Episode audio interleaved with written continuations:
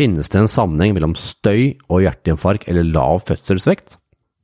Hei og velkommen, mitt navn er Frank Nilsen.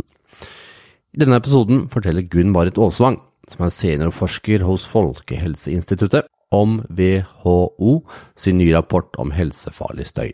Vi er innom hva gjør at vi får dårligere søvn? Hvor lenge må vi utsettes for støy før det blir en helserisiko? Hva er grenseverdiene? Hvordan er det med barn og konsentrasjon? Og mye, mye mer. Denne podkasten er laget med støtte fra Sparebank1 Østlandet.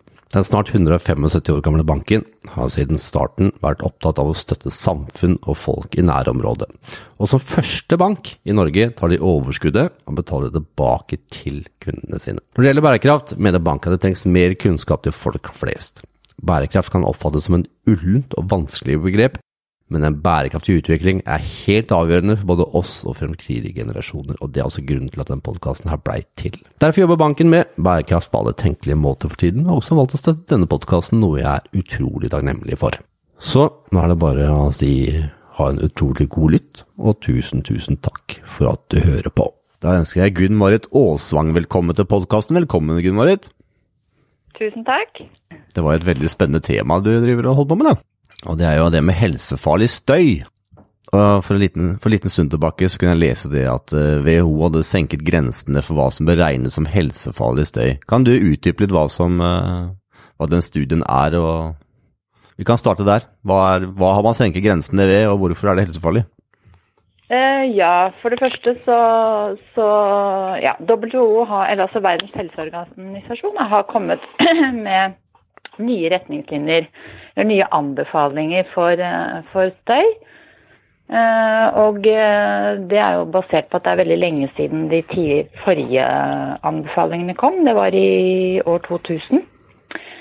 Så siden år 2000 så er det jo kommet veldig mye ny forskning som har sett på helsevirkninger av støy. Så det var på en måte det å gå gjennom all forskning siden 2000 og se om om det var grunnlag for å gjøre noen eh, endringer i de anbefalingene, som jo nå snart er eh, 20 år gamle. Så, så, da ble det satt ned veldig mange arbeidsgrupper som skulle ta for seg eh, støy fra ulike kilder og ulike helsevirkninger av støy. Da. Så da har man sett på bl.a. støyplage. Man har sett på søvnforstyrrelser, man har sett på, på hjerte-karsykdom og metabolske effekter, dvs. Si risiko for overvekt og fedme. Eh, og man har også sett på, på virkninger på kognisjon, altså dvs. Si eh, konsentrasjon, uoppmerksomhet eh, og den type ting. Og så har man også sett på hvorvidt støy, støypåvirkning under svangerskap kan påvirke fosteret og, og, fødselsutfall. Da. Ja, nå er jeg spent. Uh, ja, så, så, så da har alle disse temaene på en måte gått gjennom grundig og systematisk da, i, i, regi av, av Verdens helseorganisasjon.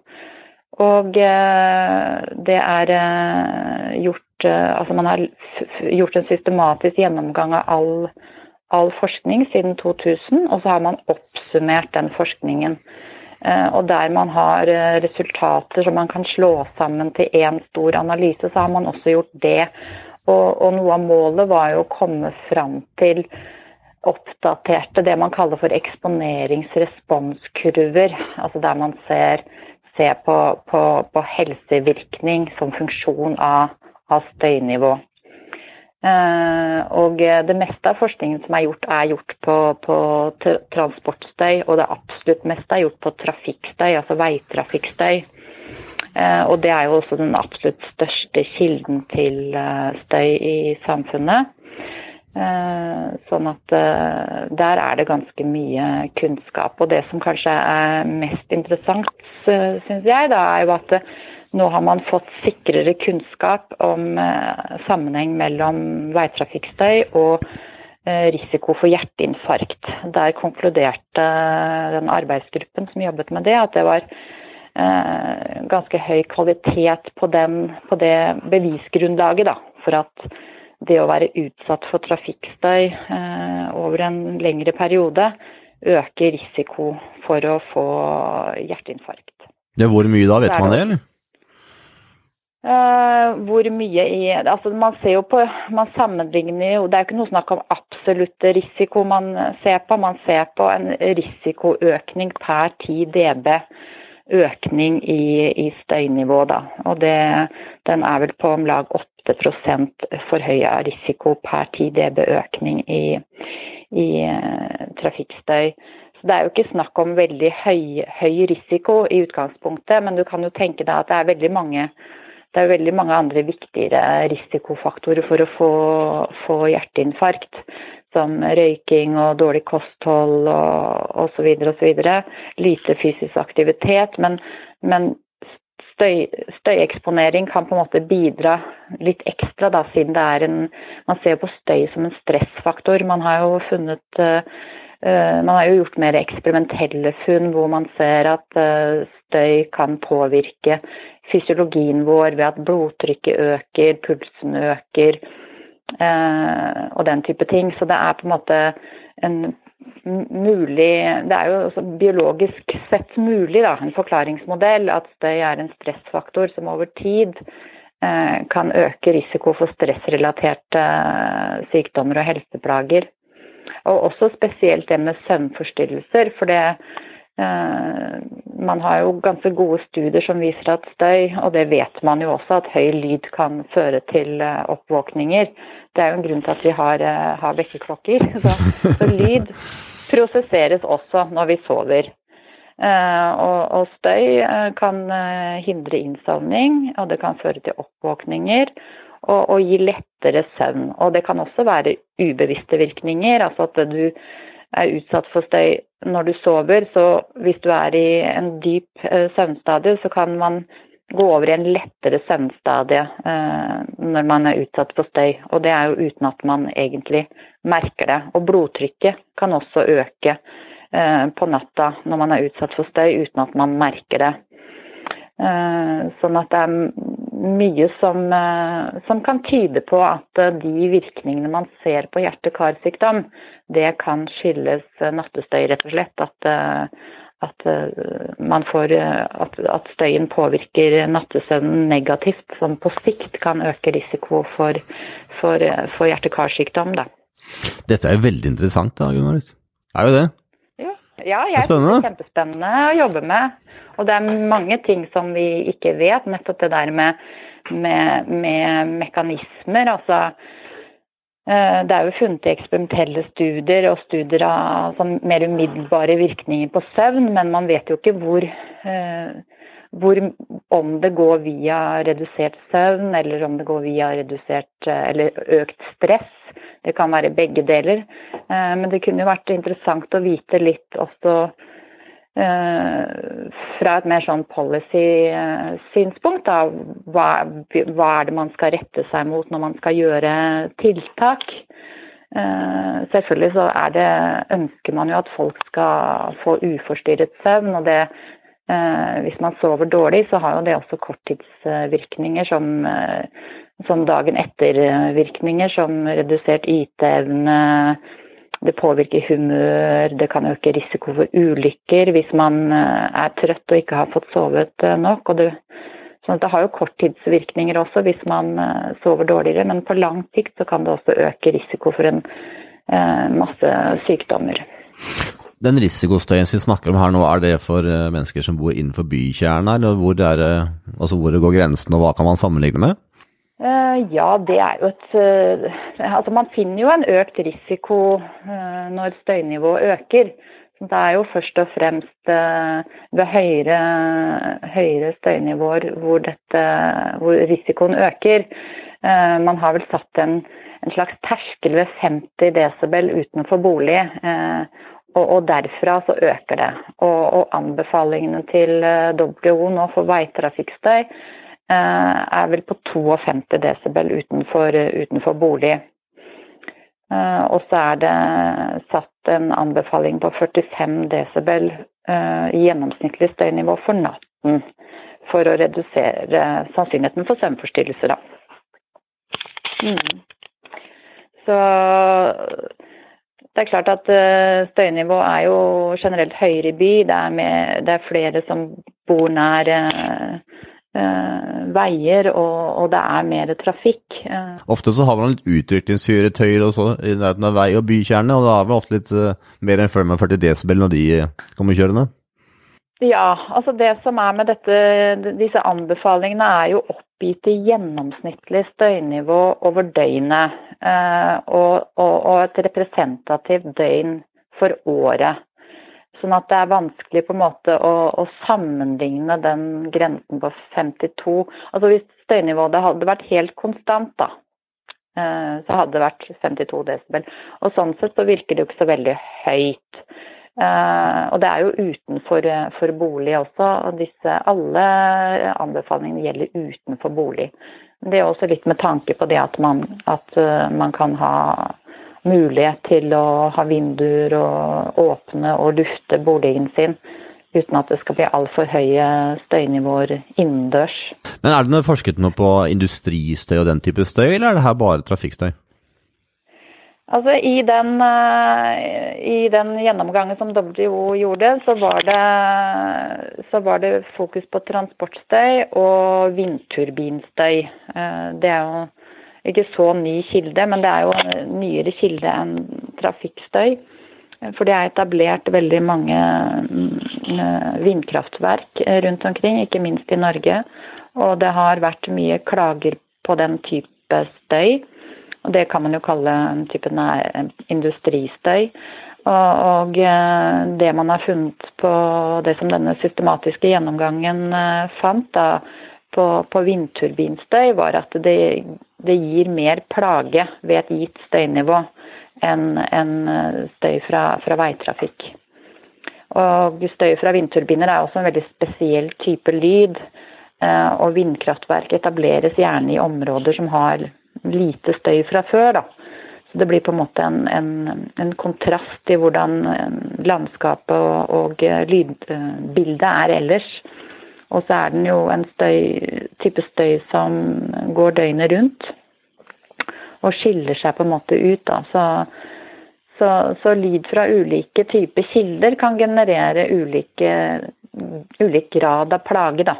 Men det er jo også store individuelle forskjeller. altså veldig stor variasjon i støyplage. Eh, og hvordan man mestrer og, takler støy er veldig individuelt, da. Hvor lenge må man utsettes for støyen av Gunn-Marit før det begynner å bli helseplager? Altså, vi kaller jo støyplage og søvnforstyrrelser også for, for, helseplager, kan du si. Og det kan jo opptre ganske umiddelbart. Eh, spesielt det med, med, med søvn. Eh, søvnforstyrrelser og, eh, og støyplage også. Eh, Verdens helseorganisasjon anser jo sterk grad av støyplage og sterk grad av søvnforstyrrelse som et helsetap. uten at vi snakker om sykdom sånn som ja, i tradisjonell forstand. Da. Men, men, men risikoen for å få hjerte-karsykdom, da tenker man nok mer langvarig, altså at man var utsatt for trafikkstøy over år i hvert fall. Og, og, Verdens helseorganisasjon har jo også vært mer opptatt av langtidsvirkningene av støy. Det kom jo tydelig fram i de, den siste, siste, gjennomgangen at man er opptatt av langtidsvirkningene uh, av støy. Og det, det gjenspeiles også i de indikatorene for støy som EU har fastsatt. Altså gjennomsnittlig støy over døgnet uh, for et år. Og også og nattestøyindikatoren er på en måte en langtidsindikator, da. Så, men hvor, akkurat hvor mange Unnskyld. Akkurat hvor mange år det tar, det er, det er, det vanskelig å gi noe eksakt svar på. Men at det tar år, og det tar jo år å utvikle sykdom uh, uansett. Uh, så uh, en tidligere studie fant først og fremst en sammenheng med hjerte-karsykdom for de som hadde bodd på samme adresse. Dvs. Si de hadde vært utsatt for samme støynivå, da, samme høye støynivå, over ti år. Uh, og andre studier nå, senere studier, har jo ulike, ulike varigheter på hvor lenge de følger opp studiepopulasjonen sin. altså Man ser jo på hvor lenge de har vært utsatt for støy, og så, og så fanger man opp da nye tilfeller av hjerte-karsykdom. og Eh, det er jo gjerne sånn oppfølgingstid fra 7-50 år og oppover. Du sa kognisjon i stad. Har man sett noe på kognisjon og læringsvansker sånn for barn i forhold til støy, eller? Eh, ja, der er det gjort en god del studier eh, på barn. Og der er det først og fremst gjort studier av flystøy i nærheten av skoler. Og der har man funnet at funnet en sammenheng mellom uh, flystøynivå og uh, altså både virkningen på hukommelse, men også leseferdigheter. og tilsvarende, i hvert fall ikke så overbevisende funn, altså er, er, ikke funnet for, for veitrafikkstøy. og sånn at der tenker man seg at flystøy er på en måte gir En teori da, er, er at Flystøy er mer distraherende og kan påvirke både barna, som mister konsentrasjonen, men det kan også påvirke læreren, sånn at det blir på en måte en, en pause i, i, undervisningen. Noe som kan forsinke, forsinke utviklingen til barna. da. Eh, for det er ganske klare sammenhenger mellom støynivå utenfor skole og, og, og reduserte leseferdigheter. Det er der man har funnet de, de mest konsistente funn da, på, lese, på score på sånne lesetester. Hva tenker du vi kan gjøre med det her nå som vi begynner å, vite, begynner å vite at uh, er det for mye støy, så går det utover både søvn og konsentrasjon etc. der man sover, men der går det også utover lære, læringsutfordringer for barn, og da tenker jeg altså både på barnehage og skole. Hva kan vi gjøre i forhold til det vi nå vet da? Eh, altså vi, I Norge så har vi jo anbefalinger eh, knytta til støy fra en rekke kilder. Eh, men det er jo dog bare anbefalinger. Ja, Blir det fullt, da? Man må, man må, kommunene må på en måte Eh, ha en klare bevissthet rundt det. At støy kan påvirke både barn og voksne negativt i ulike sammenhenger. Og at man er bevisst på at man ikke bygger skoler og barnehager for nær eh, veier og, flyplasser. Og, og likedan at man ikke eh, etablerer nye støykilder i nærheten av der folk bor. Og sånn som utviklingen er nå, så er det jo en befolkningsvekst i de større byene. Eh, og eh, veldig mange bor i tettsteder. Eh, det er veldig stort press. I Oslo f.eks. så tillater man å bygge nye boliger i rød sone. Dvs. Si en sone som man ikke egentlig skal etablere bygg for støyfølsom bruk i det hele tatt.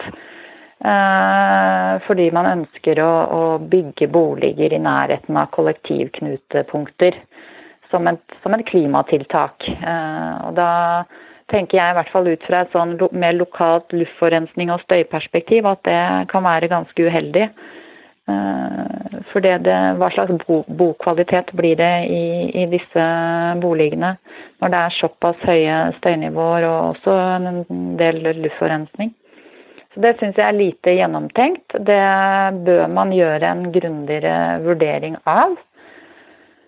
Og så bør man også gjøre en vurdering av eh, hvordan man skal eh, implementere eh, den nye kunnskapen som er kommet i forbindelse med Verdens helseorganisasjon sin grundige og systematiske gjennomgang av, av nyere forskning, og, og, de nye anbefalingene som WHO er kommet med. Da, fordi anbefalingene ligger jo litt lavere enn en, en det norske anbefalinger er. Ja. Hva tenker du er hva tenker du blir den største utfordringen på sikt? Man ser de allerede nå begynner å bygge rød sone. Altså.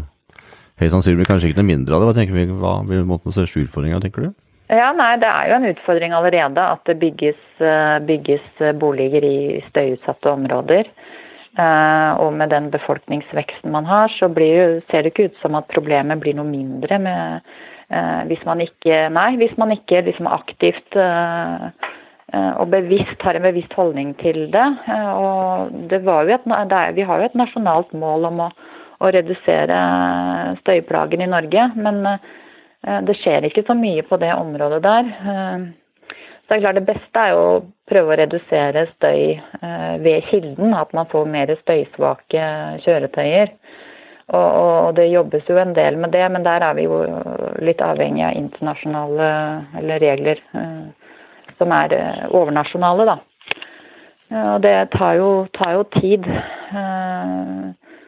Men, så det er, ikke noe lett, det er ikke noe lett løsning på problemet, men man må i hvert fall anerkjenne at det er et problem, og at man må, må gjøre noe med det for å nå de målene, jobbe mer aktivt for å nå de nasjonale støymålene. Det som jeg tenker på i forhold til dette her, da, det er at det Tenk da på alle disse boligene som allerede er innenfor støysonen. da. For det er, jo mm. det er jo utrolig mange som allerede er innenfor sone. Og mange kan jo mm. ha mange av disse plagene uten at de allerede er klar over det. Ja, altså Det eneste juridisk bindende kravet man har eh, med tanke på støy, det er jo forurensningsforskriften.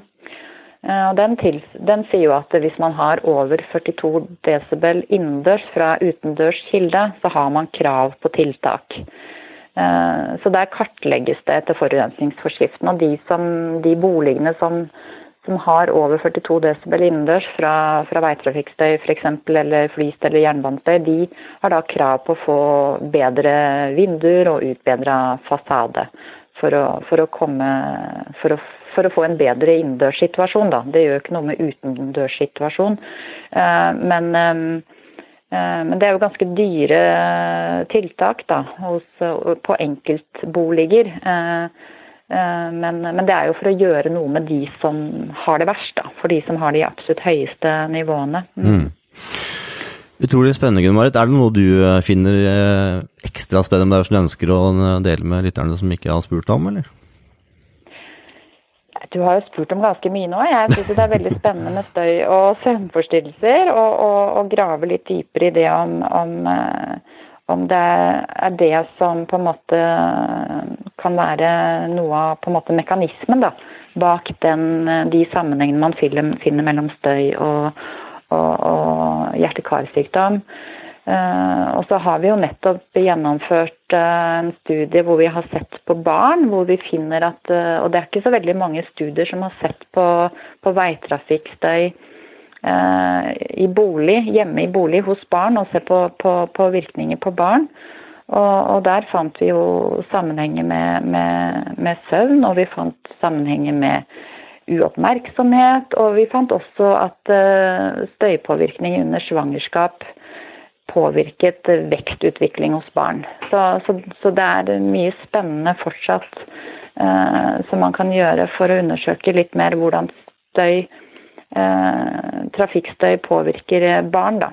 Og barn er jo en sårbar gruppe og, og eh, har mindre har mindre strategi, utvikla strategier for å, å, takle støy. Da.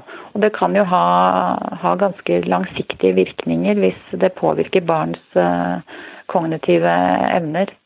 Så, så det, er, det, er, veldig mye spennende, og det er veldig mye som man ikke vet ennå. Uh, så det er mye å ta tak i. En ting når vi snakker om barn og støy, blir jeg bare veldig nysgjerrig på Har vi forska noe på i forhold til støynivået i barnehager, eller? For det er vel godt over 45 desibel. Har man sett noe på det, eller? Ja, jeg får jo en del henvendelser om støy i barnehager. og eh, Altså, det er jo regler for utforming av barnehager for å i hvert fall legge til rette for et godt lydmiljø inne. Eh, og det er jo mye det med, med, struktur og pedagogikk også, at man, for det er jo mye støy fra barna selv mm. som, ja, det er det jeg som kan være problemet. eh, så, så det, det, er jo mer en sånn pedagogisk utfordring, og at man har eh, har materialer og, og en bygge... Altså, altså, at man har bygd eh, eh, barnehagen på en sånn måte at eh, det gir et godt lydmiljø, da, eller grunnlag for et godt lydmiljø. At det er god akustikk i bygget. Så, men ellers så bør man jo ikke etablere barnehager eh, i nærheten av, støykilder med tanke på at barna er jo også en del utendørs, og en del barn eh, sover også på dagtid utendørs. Um, ja, Har det noe å si, eller? Det er ikke gjort så mye forskning på det. Hva sa du? Ja, for jeg tenker, Det var jo godt, det, godt du sa. Veldig ofte så er det jo Jeg syns iallfall at det ofte jeg setter barnehager er da jeg står i nærheten av en vei. Veldig ofte, syns jeg. Mm. Ofte mm. så er det som du sier, at barna sover ute i en vogn, og det er ofte i nærheten av den veien. Ja. Da. Så det vil egentlig mm. si at disse barna blir egentlig utsatt for helseplager ganske tidlig? da?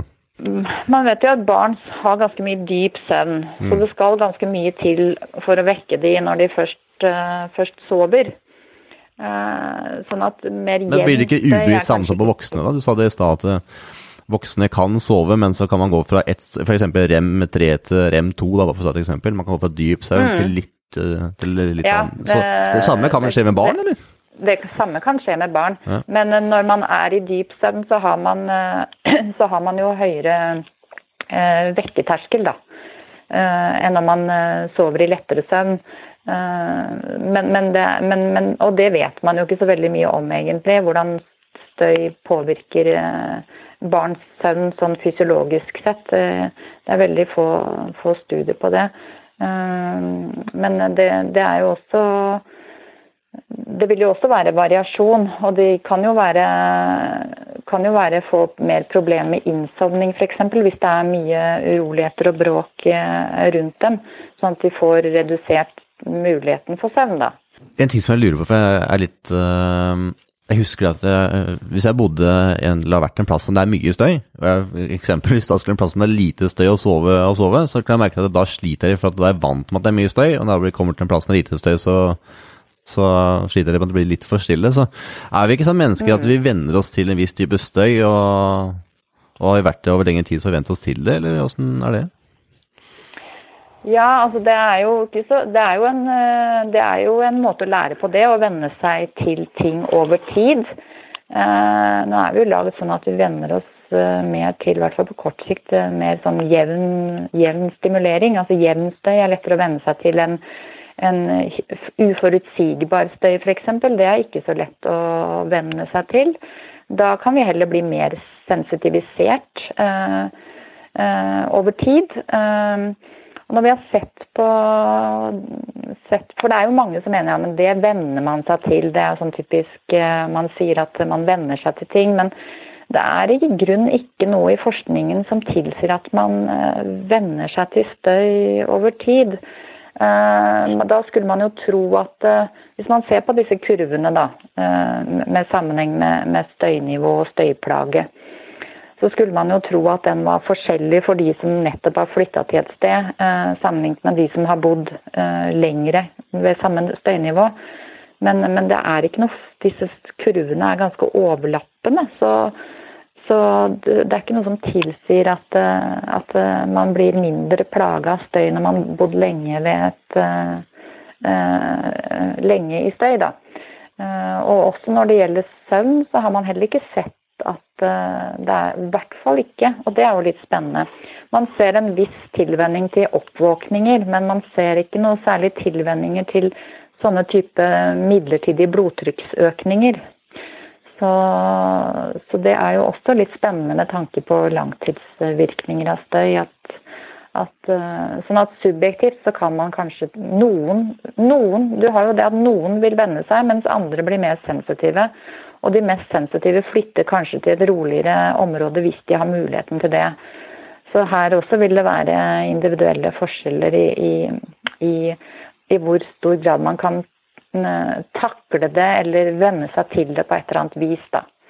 Det som jeg finner eh, spennende med deg, og grunnen til at jeg ønsker å prate med deg, Gunvor, var eh, bl.a. at jeg jobber mye med mennesker med, med, som sliter med angstproblematikk. Og veldig ofte så, så virker det i starten Grunnen til det, at jeg fikk panikkangst for en del år tilbake selv. Jeg liksom, tok en god stund for å bli kvitt det. Jeg måtte liksom finne min egen teknikk for å bli kvitt det. Og jeg fant at mye av det var pga. at jeg fikk mye ytre stimuli.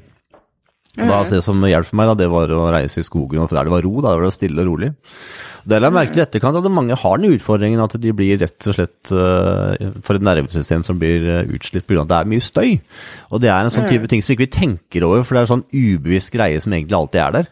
Og så tenker jeg på alle de andre mm. tingene, disse stressfaktorene som er i livet, men ikke den ytre påvirkninga. Det var derfor jeg fant det med, med lysene ekstra interessant, for det tror jeg er en uh, faktor som veldig mange aldri tar, tar til etterretning engang. de har liksom støy hele dagen, og så hysj, kan det være med å gjøre til at jeg sover dårlig? Jeg trodde egentlig alle de andre tinga som stressa meg opp. Så jeg, derfor finner jeg mm. temaet veldig interessant. Har man forska noe på dette i forhold til, støy, i forhold til angstproblematikk og støy, eller? Ja, det er jo gjort noen forskning på, på støy og mental helse. Eh, og eh, det er noen funn eh, Det er noen studier som viser en sammenheng, men det er ikke sånn veldig overbevisende funn. Men, men vi har jo sett altså mye av den variasjonen i i grad av støyplage, da, også, også selvrapporterte søvnproblemer som følge av støy. Der ser vi at uh, støysensitivitet er ganske utslagsgivende. Og uh, det er et sånn standard spørsmål for å på en måte måle støysensitivitet. Uh, og det er jo subjektivt da, hvordan man opplever seg selv, om man er litt sensitiv eller ikke, altså svært støysensitiv eller ikke sensitiv for støy i det hele tatt. Sånn at, og det, det, igjen har man kobla til mer sånn angst og nevrotiske trekk. da. Og det, det, henger jo litt på greip, for da er man engstelig, så er man jo mer på alerten for uh, ytre stimuli. Uh, og man er kanskje mer sårbar også for å, for å for å bli plaga av den, den, type altså Både støy og mye lys, kanskje også, og andre sansestimuli også. Så, man, så det er jo stor Det er, det er en nylig studie, der. Normal, mye, ja, mye innenfor normal variasjon, da, kan du si, uten at det skal bli patologisk. For det er ganske mange Eh, når vi har spurt folk, så er det ca. en tredjedel av befolkningen som oppgir at de er ganske eller svært støysensitive. Og så er det en tredjedel som er sånn midt på tre, og så er det en tredjedel som ikke er noe særlig sensitiv i det hele tatt. Så det, det er jo ikke så uvanlig å se på seg selv som ganske eller svært uh, sensitiv for støy, da. Så, så, så, og de er ikke, det er ikke fordi de uh, hører bedre eller ser bedre. Altså det er nok noe det er vel sammensetninga vår, da. Noen har et litt uh, mer aktivt uh, sympatisk nervesystem enn andre, eksempelvis. Det er vel hvordan vi sånn genetisk er satt sammen. Ja, jeg tenker også det at det har ikke noe med, med, med hvor, hvor, Altså det er jo gjort uh, forskning på det, de som er sammenlignet sammenlignet de som er svært, sier de er svært sensitive, med de som ikke er sensitive på seg, og, og, og sjekka hørselen dem. Så det er ikke noe, det er ikke noe, det er ikke noe sånn Altså, det er ikke noe i veien med hørselen, det er mer Nei, det hvor man retter oppmerksomheten. Mm. Uh, så det er jo en del av, av nervesystemet, som du sier, mm. som, uh, som, som, er forskjellig da, hos de sensitive og, ikke, uh, og de som ikke er så sensitive mot støy. Ja, for det kom vel ut en studie nylig, tror jeg, som sa det at mennesker som hadde litt mer nevrotiskhet da, i personligheten mm. deres, var også mer utsatt for helseplager. Og det, ja. det henger på greip, da. Mm. Det, det, er liksom det meste henger jo sammen. Så man, eh, har man litt ja. av fiksstøy òg, ikke sant. Og så er man kanskje litt mer predisponert for å, for å være litt mer mm. uh, ja, påvirkelig av støy, da. Så kommer også helseplagen. Så det henger jo sammen alt det her, da. Mm, ja, det gjør det. Så det er, det er, mye spennende å forske på. Det, det, er jo absolutt noe man ønsker å få mer kunnskap om. Så er det jo sårbare, sårbare personer, da. Uh, det er gjerne de som på en måte er mest uh, utsatt, eller utsatt for å få helseplager og sykdommer som følge av støy. Uh, så, så, det er absolutt noe man trenger mer kunnskap om. For de fleste studier ser jo på en generell befolkning. Og så selvfølgelig når man ser på undersøker sammenheng mellom trafikkstøy og, og risiko for hjerteinfarkt, så må man jo ta høyde for en rekke andre um, risikofaktorer. da for hjerteinfarkt som på en måte for å, for å ikke få et galt eller feilaktig resultat, da. Eh, så tar man jo hensyn til dette i analysene, både røyking og alder og kjønn og, og eh, ja, utdanning, fysisk aktivitet, som igjen kan, kan eh, også være, ha en sammenheng med støy. Da. Det er jo gjerne sånn at uh, uh, altså støyutsettelse er ikke helt jevnt fordelt. Da. Det er jo uh, gjerne de med lavere inntekt i hvert fall, som har en tendens til å bo i områder med høyere støynivåer. Selv om dette kan variere fra område til område, så er det i hvert fall naturlig å tenke seg at uh, hvis du er veldig plaget av støy og bor nær en vei, så, så flytter du hvis du har råd til det. Eh, så det er jo en sånn sosial ulikhetskomponent i dette her også. Det er utrolig vanskelig å forske på også, tror jeg. For man har så utrolig mange forskjellige faktorer. ja, det er jo det. Er det? Eh, så, så, så, de fleste studier som, som, jeg, som, jeg, kanskje nevnte, har jo nettopp bare spurt om hvor plaget er du av støy, eh, og hvor forstyrret er søvnen din av støy. Og da da er det på en måte med en sånn direkte sammenheng, da man ser tydelig at andelen som oppgir å være plaga øker med økende støynivå. Og det er, eh, man trenger ikke å ta høyde for så mange andre faktorer. Men det er klart når man ser på sammenheng mellom trafikksted ved bolig og risiko for hjerte-karsykdom, så er det veldig mange faktorer som man trenger å, å ta hensyn til da, eh, for å få for å, få et, eh, et, for å nærme seg det et sant resultat. da. Ja, så hadde det vært veldig interessant. Du sa at en tredjedel kanskje er mer eh, disponert for helseplager enn andre i forhold til hvilke hvordan personlighetstrekkene sine. Da. Så det hadde vært veldig interessant å vite hvor stor, eh, hvor stor blir risikoen for den ene, ene tredjedelen kontra den ene tredjedelen som ikke har plagene i det hele tatt. I forhold til å bo innenfor mm. røde sone. Ja, så, så det, det, man burde gjøre mer sånn målretta studier. Men det er klart når man skal se på sånne sammenhenger, så trenger man jo også en ganske stor studiepopulasjon. Uh, I og med at uh, den altså, absolutte risikoen, eller relativ risiko nå for det er ganske liten. Da. Så for å, for å finne sammenhenger så, så trenger man ganske store populasjoner. Eh, så nå har vi jo satt i gang et sånn nordisk studie som vi har fått penger av Nordforsk. Som vil samarbeide med støyforskningsmiljøet i Danmark og i Sverige og i Finland. Og så vi ved Folkehelseinstituttet, da. Og da skal vi nettopp se på Da skal vi slå sammen eh, studier fra de nordiske land. Så vi får en stor nordisk populasjon. Og så skal vi se på på sammenheng mellom veitrafikkstøy og risiko for hjerte-karsykdom, eh, kreft, eh, overvekt, fedme og ja, en hel haug med, med, utfall, eller sykdomsutfall, og også dødelighet. Og vi skal også se på, på støy i svangerskapet og, og risiko for, for, tidlig fødsel og Har det en sammenheng òg? For tidlig fødsel, har det også en sammenheng med støy? Eh, det er noen studier som indikerer det, eh, ja. både for luftforurensning og støy. At hvis mor er utsatt for støy i svangerskapet, så, eller luftforurensning i svangerskapet, så påvirker det fosteret. Eh, og vi skal også se på yrkesstøy i denne studien her, så det er, jo, det er jo helt nytt. For vi er jo ikke bare utsatt for støy når vi er hjemme, vi er jo også, eller i hvert fall noen av oss er utsatt for støy i yrket vi har også. Så, så man, I den nordiske studien skal man se på en kombinasjon av yrkesstøy. Prøve å dekke hele døgnet, da, ideelt sett, for hva vi er utsatt for av støy. Uh, og se på risiko for uh, utvikling av sykdom. Både hos voksne og barn. Mm. Som, som siste spørsmål, Gunn Du sa noe angående støy og svangerskap i stad. Hva mm. har man funnet ut der, da? Eh, ja, det var også en eh, De studiene ble også gjennomgått eh, i regi av Verdens helseorganisasjon, men det er foreløpig veldig, veldig få studier. Så der er kunnskapsgrunnlaget ganske dårlig.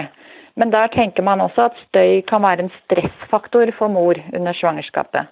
Både det, og det er noen studier som indikerer at uh, hvis mor er utsatt for mye støy uh, på, arbeid, så kan det påvirke fosteret negativt.